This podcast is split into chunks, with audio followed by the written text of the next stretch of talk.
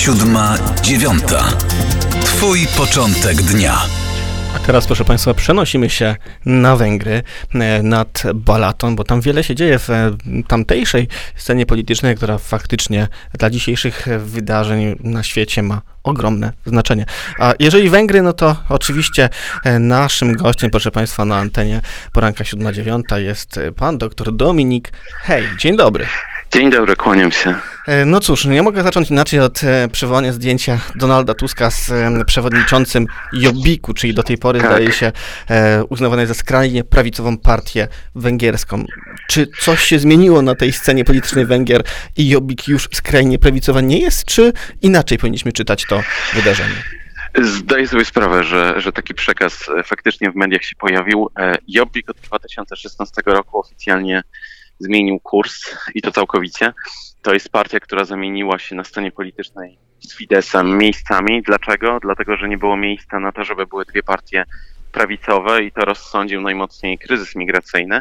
Mhm. Więc Jobbik jest teraz proeuropejski, pronatowski, e, też e, odwoływał się do tego, że nie ma e, jakichś uprzedzeń wobec e, tęczowych środowisk, co kiedyś było jego cechą charakterystyczną. Ja akurat pisałem e, doktorat o Jobbiku właśnie o tej transformacji i najciekawsze jest to w tym wszystkim, jeżeli mówimy o skrajnej prawicy, bo mniej więcej od właśnie 2016-2017 roku staram się mówić, że to już nie jest skrajna prawica. Natomiast y, Jobbik ma za sobą wyrok sądu dwóch instancji w Budapeszcie, w których zakazano mówić o nim, że jest to partia skrajnie prawicowa. To już dodając taki element jakiegoś humoru do, do całej sytuacji, ale faktycznie zdaję sobie sprawę, że to się dobrze wpisało w narrację, że Jobbik ma być skrajną prawicą, no ale od dawna nie jest. To, co mhm. było tym Jobbikiem, który był skrajnie prawicowy, to jest partia Nasza Ojczyzna, czyli Michozang, czyli ci przedstawiciele starzy Jobbiku, którzy z niego wyszli, no i przyjeżdżają na przykład na Marsz Niepodległości do, do Polski. Do Warszawy. E, to do zdaje Warszawy. się ta zmiana tej węgierskiej polityki wewnętrznej e, od 2016 roku, tak jak zostało powiedziane, e, nie jest przypadkowo pokazana, czy dzisiaj w Polsce głośno, no bo w końcu zbliżają się wybory, wybory, które dla wielu mają w jakiś sposób zadecydować o przyszłości Węgier, a na pewno o przyszłości, proszę Państwa, Wiktora Orbana. Czy Viktor Orban może przegrać te wybory? Przegrać na pewno nie może i to jest coś, co jest, e, to znaczy na pewno, jesteśmy obecnie w czasach e, okołowojennych, tak nazwijmy, w związku z tym trudno jest w 100% wróżyć. Natomiast mhm. E, wszystko wskazuje, po pierwsze, sondaże niespecjalnie wpływają, sytuacja wojenna niespecjalnie wpływa na sondaże wyborcze. Mhm. Rośnie ewentualnie odsetek ludzi, którzy, którzy są grupą niezdecydowaną, ta grupa niezdecydowana akurat zazwyczaj w sondażach opowiada się po stronie opozycji. Natomiast jest to sytuacja nadzwyczajna, nie ma debaty dotyczącej jakiegokolwiek programu, jest debata wokół tego, że Fidesz nie chce e, wojny, nie chce wysyłać żołnierzy na wojnę, nie chce wysyłać e, broni na wojnę, e, a opozycja chce. I to jest podział e, taki, e, no nazwijmy to skrajny, mówiąc wprost, mhm. natomiast e, jednoznacznie pokazujący, w którym miejscu teraz jesteśmy. Znaczy trwa podwójna kampania wyborcza Fideszu, premier jako lider rządu, który mówi o tym, że trzeba ochronić kraj i mhm. jednocześnie na tym samym plakacie, akurat wczoraj takie zdjęcie mm, wrzucałem na, na Twittera i jednocześnie lider e, e, Fidesu, tak? I część jest płacona z kampanii e, rządu, a część z kampanii Fidesu. W związku z tym tych kampanii tak naprawdę rozróżnić się nie da.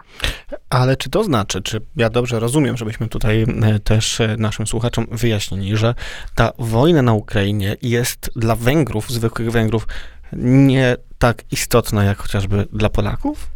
Jest zupełnie nieistotna i to wiem, że może być to mocna teza, ale tak jest. To znaczy obozy się, nazwijmy to, okopały po swoich stronach.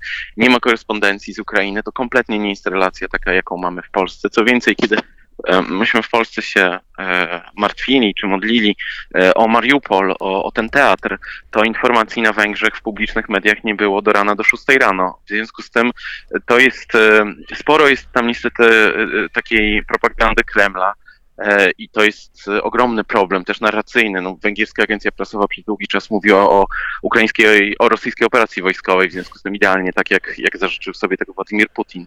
Natomiast e, jest to od dawna pokazywane, to wczoraj był też taki sondaż Instytutu Publikus dla NIPSowo, z którego wynikało, że 90 prawie procent Węgrów uważa, że Węgry się nie mają czego bać przy okazji tej wojny. No, gdybyśmy w Polsce zrobili takie badania, no to myślę, że nie tyle, że mamy się bać, tak, ale czuć pewną obawę, niepokój o to, co się dzieje u sąsiadów, u naszych braci, będą to zupełnie mm, inne wyniki. No i to bardzo widać, w jaki sposób to wpływa na węgierską scenę polityczną, bo 60% Węgrów uważa, że to jest agresja rosyjska, no ale z drugiej strony mm, kilkanaście procent uważa, że Rosja się broni. W elektoracie Fidesu mniej niż połowa uważa, że to jest agresja rosyjska, co czwarty uważa, że Rosja się broni. W związku z tym to pokazuje, jak zupełnie w innym miejscu jesteśmy w sposobie postrzegania e, tej tragedii w Ukrainie.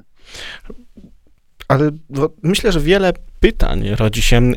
Zawahałem się, bo to, co, e, to, co zostało powiedziane, jest zaskakujące. E, do tej pory Węgry były widziane przez większą część obserwatorów polskiej sceny politycznej jako drugi brat Polski, jako coś, jako państwo, na które e, Polacy mogą liczyć, czy Polska może liczyć. Wobec tej reakcji Wiktora Orbana, tych gier wokół wyborczych, widać, że chyba możemy pokusić się o taką tezę, że nie jest to prawda, że Viktor Orban prowadzi zupełnie inną, osobną grę, co było chociażby widać w tym, że e, do Kijowa nie pojechał razem z premierem Morawieckim, e, Jansą i Fialą. Czy to prawda, prawda, co więcej, mhm. E, pojawiła się przy tej okazji narracja, że Viktor Orban nie pojechał, bo nie dostarcza broni, e, a panowie pojechali tam negocjować dostawy broni, co jest oczywiście wierutną bzdurą. Natomiast taki przekaz pojawił się w prorządowych mediach no, nieprzypadkowo.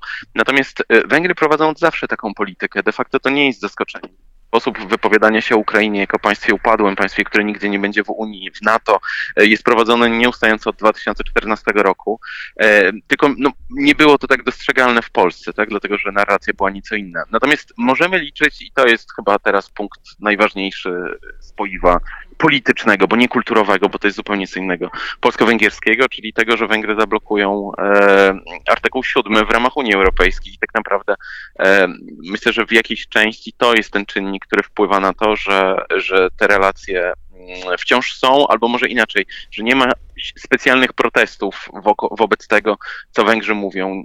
Też pod adresem sankcji związanych z energetyką, sankcji związanych z dostawą broni, e, sposobu rozmieszczania wojsk NATO, e, no i tego wszystkiego. Tak? To jest zupełnie inne postrzeganie bezpieczeństwa w regionie i to, to warto sobie już teraz uprzytomnić. Na zakończenie tej naszej rozmowy, arcy, arcyważnej, proszę Państwa, i arcyciekawej rozmowy, bo okazuje się, że te kwestie bezpieczeństwa widzimy e, nad Balatonem i nad Wisłą zupełnie inaczej. Czy pokusisz się o takie stwierdzenie, że um, Węgry są dużo bardziej zależne od Rosji, dużo bardziej liczą na Rosję e, niż Polska? Oj, skrajnie, oczywiście, to jest, to jest też w 100% e, prawdziwa teza. E, tu nie chodzi tylko o wymiar energetyki, o uzależnienie w 90%, niektórzy mówią nawet, że, że w 100% mhm. od rosyjskiego gazu, e, w prawie 70% od rosyjskiej ropy, ale tu jest też ten związany z gospodarczym wymiarem. Tego na przykład, że Państwowy Bank OTP E, inwestuje w Rosji i już zapowiedział, że się stamtąd nie wycofa, chociaż stracił połowę swojej wartości e, obecnie. E, Czyli Węgry są koniem trojańskim Rosji, jeżeli dobrze rozumiem, w Unii Europejskiej również. Oj, to mocna teza. To znaczy, niewątpliwie bardzo Rosji sprzyjają. Nie wycofał, Peter Syjarto, szef MSZ-u, nie oddał wciąż orderu, nie wycofano wiz złotych rezydencyjnych dla obywateli Rosji, w tym, jak się okazało, dzieci Siergieja Naryszkina, który przecież wojnę w Ukrainie planował. Mhm. Tudzież nie zamknięto międzynarodowego Banku Inwestycyjnego, który jest określany mianem szpiegowni w regionie Europy Środkowej. W mhm. związku z tym nie widać od lat żadnej działalności Fidesu i rządu, która mogłaby zagrozić interesom rosyjskim w regionie. O może w ten sposób. To też e, mocna teza, ale dlatego o tym rozmawiamy, bo wobec zagrożenia rosyjskiego widać, że ta e, kolegialna odpowiedź e, państw naszej części Europy, proszę Państwa, ma kolosalne znaczenie.